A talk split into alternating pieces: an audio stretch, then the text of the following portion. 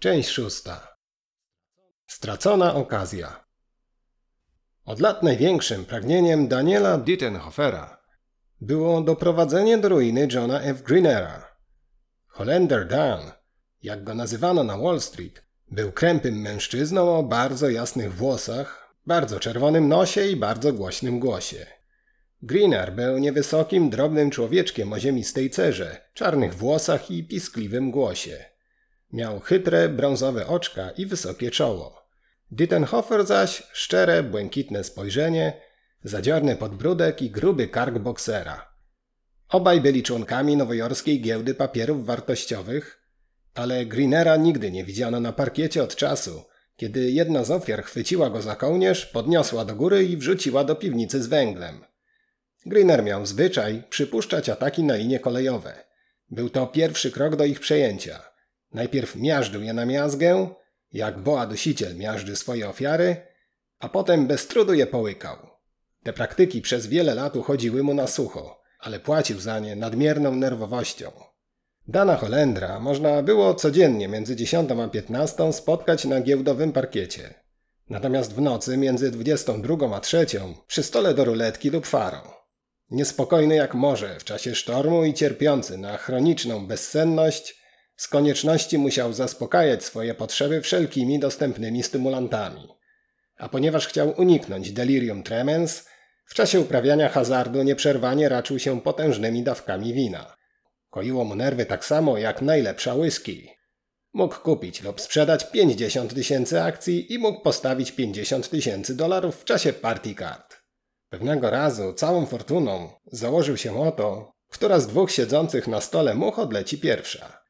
Greener znajdował na giełdzie środki do osiągania celu i mimo niezliczonych przeprowadzanych na parkiecie operacji, w głębi serca wcale za nimi nie przepadał.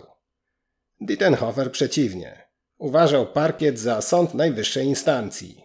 Miejsce, do którego powinni się udać inwestorzy, kiedy uważają, że racja jest po ich stronie i tam dostać zasłużoną nagrodę.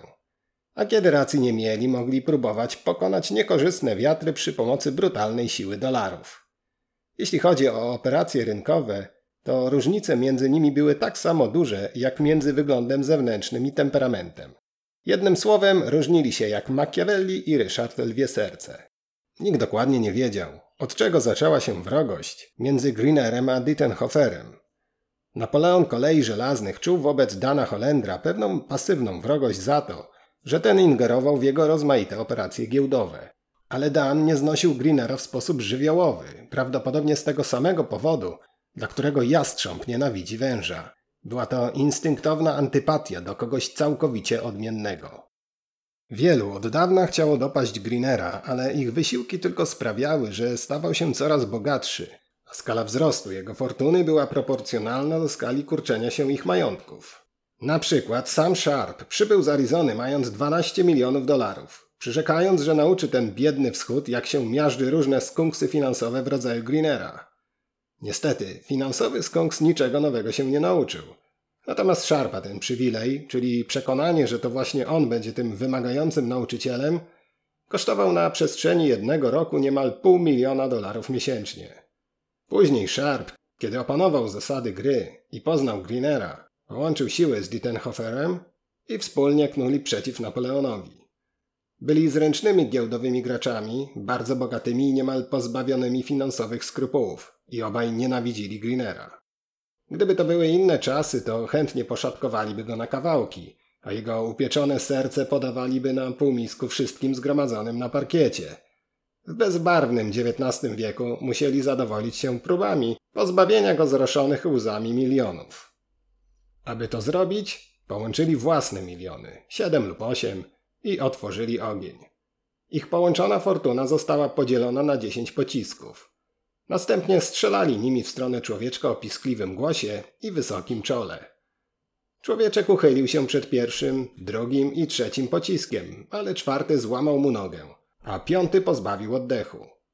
Giełda wiwatowała i okazała wiarę w ostateczny sukces artylerzystów, skracając akcje spółek Greenera.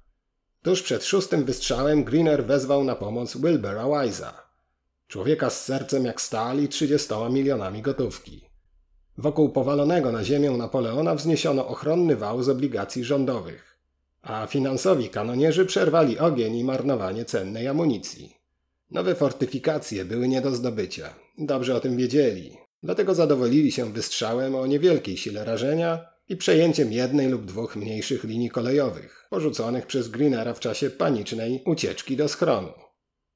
Później Sharp pojechał do Anglii, by zagrać na wyścigach i wygrać, a Dittenhofer udał się do Long Branch grać w faro, co przez miesiąc kosztowało go średnio 10 tysięcy za noc. Po ostatnim starciu między Napoleonem i Danem Holendrem na Wall Street zapanował okres spokoju. Ale po kilku miesiącach walki wznowiono. Greener chciał podbić cenę swoich akcji, a zwłaszcza notowań swego ostatniego pupilka, walorów Federal Telegraph Company. Dan, tylko po to, żeby pokazać, że nie ma co przyspieszać ruchu w górę, skracał je za każdym razem, kiedy Greener usiłował podpompować cenę. Greener spróbował cztery razy i za każdym razem Dittenhofer sprzedał mu kilka tysięcy papierów. Wystarczająco dużo, żeby zneutralizować wzrosty. Do pewnego momentu manipulatorowi wszystko się udawało. Jego działania składały się z wielu pomysłowych i skomplikowanych działań i instrumentów, ale sama manipulacja pod wzrosty polegała na kupowaniu większej ilości akcji od tych, które inni mogą lub chcą sprzedać. Greener chciał kupić, ale Dan jeszcze bardziej chciał sprzedać. Greener znalazł się w bardzo trudnej sytuacji. Był zaangażowany w wiele poważnych przedsięwzięć, ale aby je sfinalizować, potrzebował gotówki. Tymczasem banki, obawiające się rynku kapitałowego, nie były skłonne mu pożyczać. Ponadto, niejako przy okazji, dyrektorzy banków liczyli na to, że ich odmowa udzielenia Greenerowi kredytu zmusi go do pozbycia się większej części kapitałowego balastu. Greener miał na sumieniu niezliczone ilości wdów i sierot, które ograbił w wyniku swoich perfidnych intryg. Dlatego kredytodawcy nie mieli wątpliwości, że powinni je pomścić. To byłby bardzo dobry uczynek. Spółka Federal Telegraph, gdzie Greener był najbardziej zaangażowany, powoli szła na dno. Dan Hollander, który zarobił gdzie indziej, postanowił zamknąć przed Federal Telegraph resztki dziennego światła. Podszedł do tego bardzo spokojnie, jak do gry w ruletkę. Sprzedawał akcje metodycznie, ale nieprzerwanie pchał cenę w dół. Skutecznie. Greener, który na tych papierach stracił, uznał, że najwyższy czas ratować własną skórę. Potrzebował tylko 5 milionów dolarów. No, może by wystarczyły marne 3 miliony, albo w tym momencie nawet 2,5. Ale potrzebował tych pieniędzy natychmiast. Każde opóźnienie oznaczało niebezpieczeństwo. To z kolei oznaczało Dittenhofera, a Dittenhofer znaczył to samo co śmierć. I nagle, zupełnie znikąd i nie wiadomo jak, na rynku zaczęła krążyć plotka, że Greener znalazł się w tarapatach. Dziennikarskie hieny natychmiast pobiegły do banków, żeby porozmawiać z szefami. Pytano nie po to, żeby słuchać kłamstw i wykrętów, więc mówili jakby wiedzieli na pewno. Greener nie ma pieniędzy. Bankierzy uśmiechali się pobłażliwie niemal z politowaniem. Och, więc dopiero teraz o tym usłyszeliście, tak? My wiemy od sześciu tygodni. Tymczasem na giełdzie zaczęły działać inne hieny, które zaczęły sprzedawać akcje spółek Greenera. Nie Federal Telegraph, który był naprawdę silnym papierem, ale zrestrukturyzowane koleje, których odrodzenie nastąpiło na tyle niedawno, że nie zdążyły jeszcze w pełni odzyskać sił. Im niżej spadały ceny, tym głośniej słychać było szepty, że Dittenhofer w końcu dopadł przeklętego Napoleona. Tysiące maklerów zaczęło szukać drogiego przyjaciela Dana, żeby mu pogratulować. Pogromcy Greenera, bohaterowi dnia i przyszłemu szafarzowi sowitych prowizji. Ale Dana nigdzie nie było, ani na parkiecie, ani w biurze. Ktoś jeszcze zaczął go szukać już wcześniej, jeszcze zanim maklerzy pomyśleli o złożeniu gratulacji. Ktoś, kto był największym hazardzistą ze wszystkich, jeszcze większym od samego Dana Holendra. Malutki człowieczek z brązowymi, chytrymi oczkami, piskliwym głosem i wysokim czołem. John F. Greener. Panie Dittenhofer, posłałem po pana, żeby zadać jedno pytanie. Pisnął spokojnie, stojąc obok gadatliwego Tickera. Oczywiście, panie Greener. Dittenhofer natychmiast wyobraził sobie pokorne prośby o to, żeby w końcu odpuścił. I już prawie ułożył sobie w głowie słowa nieprzejednanej odmowy. Czy mógłby zrealizować pan dla mnie pewne zlecenie? Oczywiście, panie Greener. Realizuję zlecenia. Jestem maklerem. Bardzo dobrze. Proszę dla mnie sprzedać 50 tysięcy akcji Federal Telegraph. Po jakiej cenie? Zapytał Dittenhofer, machinalnie zapisując liczby. Był całkowicie zaskoczony. Po najlepszej, jaką uda się panu uzyskać. Teraz akcje są po... Tu Greener zerknął na taśmę. po 91. Oczywiście. Mężczyźni spojrzeli na siebie. Dan Hollander trochę groźnie, Greener spokojnie, pewnie, a jego chytre zazwyczaj oczy patrzyły niemal szczerze. Miłego dnia, powiedział w końcu Dittenhofer, a główka człowieczka skinęła na pożegnanie. Dittenhofer pospieszył na giełdę. Przy wejściu spotkał swego partnera Smitha, właściciela skrótu Co w nazwie D. Dittenhofer Company. Bill, właśnie dostałem od Greenera zlecenie sprzedaży 50 tysięcy akcji Federal Telegraph. Co? Co takiego? Wysapał Smith. Greener posłał po mnie, zapytał, czy przyjmę od niego zlecenie. Powiedziałem, że tak, więc kazał mi sprzedać 50 tysięcy akcji Telegraph, więc... Dorwałeś go, Dan! Naprawdę go dorwałeś! Przerwał z radością Smith. Mam zamiar pokryć moje 20 tysięcy akcji pierwszą połową zamówienia, a resztę sprzedać po najlepszej cenie. Człowieku, to twoja szansa. Nie widzisz, czego dopadłeś? Smiley z Eastern National Bank mówi, że w całym mieście nie ma ani jednego banku, który pożyczyłby Greenerowi jakiekolwiek pieniądze. A on musi pilnie zapłacić 10 milionów obligatariuszom z Indian Pacific. Do diabła! Ugryzł więcej niż jest w stanie przełknąć. Bill, potraktujemy Greenera tak samo jak każdego innego klienta, powiedział Dittenhofer. Ale przecież... Zaczął Smith z nieukrywaną konsternacją. Poza Wall Street był uczciwym człowiekiem. Spokojnie, dopadnę go. To go i tak nie uratuje, jeszcze go dopadnę. Odpowiedział z przekonaniem.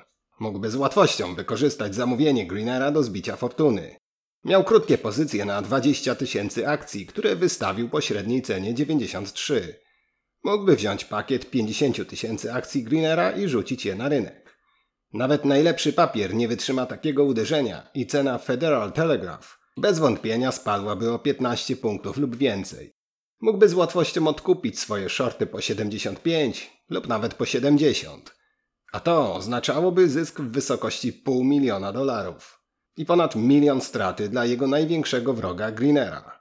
A gdyby jeszcze pozwolił swemu partnerowi szepnąć tu i ówdzie słówko, że Dan sprzedaje dla Greenera duży pakiet telegrafu, na parkiecie zaczęłoby się szaleństwo. Wszyscy zaczęliby sprzedawać, a cena zanurkowałaby tak bardzo, że Napoleon straciłby wszelką nadzieję na odbicie. Czyżby powierzając takie zlecenie, jego być albo nie być, swojemu wrogowi, popełnił największą pomyłkę w życiu? Dan poszedł do stanowiska Federal Telegraph, gdzie grupa szaleńców wykrzykiwała ceny, po których chciano zapłacić za kupno lub zgodzić się na sprzedaż rozmaitych wolumenów akcji. Przekazał każdemu z 20 maklerów zlecenia sprzedaży po 1000 akcji po najlepszej możliwej cenie. A sam za pośrednictwem innego kupił dokładnie taką samą ilość. Następnego dnia osobiście sprzedał 20 tysięcy akcji, a na trzeci dzień pozostałe 10 tysięcy ze zlecenia Greenera. Giełda pomyślała, że sprzedaje na własny rachunek. To wszystko były krótkie papiery, to znaczy koledzy sądzili, że sprzedawał akcje, których nie miał zakładając, że później odkupi je taniej. Taka sprzedaż nigdy nie powoduje spadku ceny jak sprzedaż długa, ponieważ jest oczywiste, że short seller musi wcześniej czy później akcję odkupić. W ten sposób gwarantuje przyszły popyt, co z kolei powinno mieć pozytywny wpływ na ceny, gdyż, jak wiadomo, ten, kto sprzedaje to, czego nie ma, musi to odkupić lub trafić do więzienia. Za 50 tysięcy należących do Greenera akcji spółka Federal Telegraph Dittenhorowi udało się uzyskać średnią cenę w wysokości 86 dolarów za akcję. Rynek był przekonany, chociaż bardzo się temu dziwiono, że Dan stał się zbyt lekkomyślny. Greener jest małym śliskim typkiem, a zainteresowanie krótkimi pozycjami musi być tak ogromne, że zdecydowanie wzrosło niebezpieczeństwo poważnego ograniczenia podaży – Dlatego zrezygnowano z ataku na Telegraph. Co prawda, wielu co sprytniejszych traderów dostrzegło w tej operacji pułapkę, którą chciał zostawić ten cwany Napoleon, ale przecież koniec końców to oni go nabrali, przebiegle kupując Federal Telegraph. Greener, mając ze sprzedaży dużego pakietu akcji 4 miliony 300 tysięcy dolarów, rozwiązał swoje problemy i zrealizował wszystkie plany. To było niezwykle śmiałe zagranie. Zaufać zawodowemu honorowi maklera. W ten sposób stał się właścicielem potężnej sieci linii kolejowych. A ataki Dana Holendra nie wyrządziły mu najmniejszej szkody. Greener stworzył mu okazję, ale Dittenhofer jej nie wykorzystał.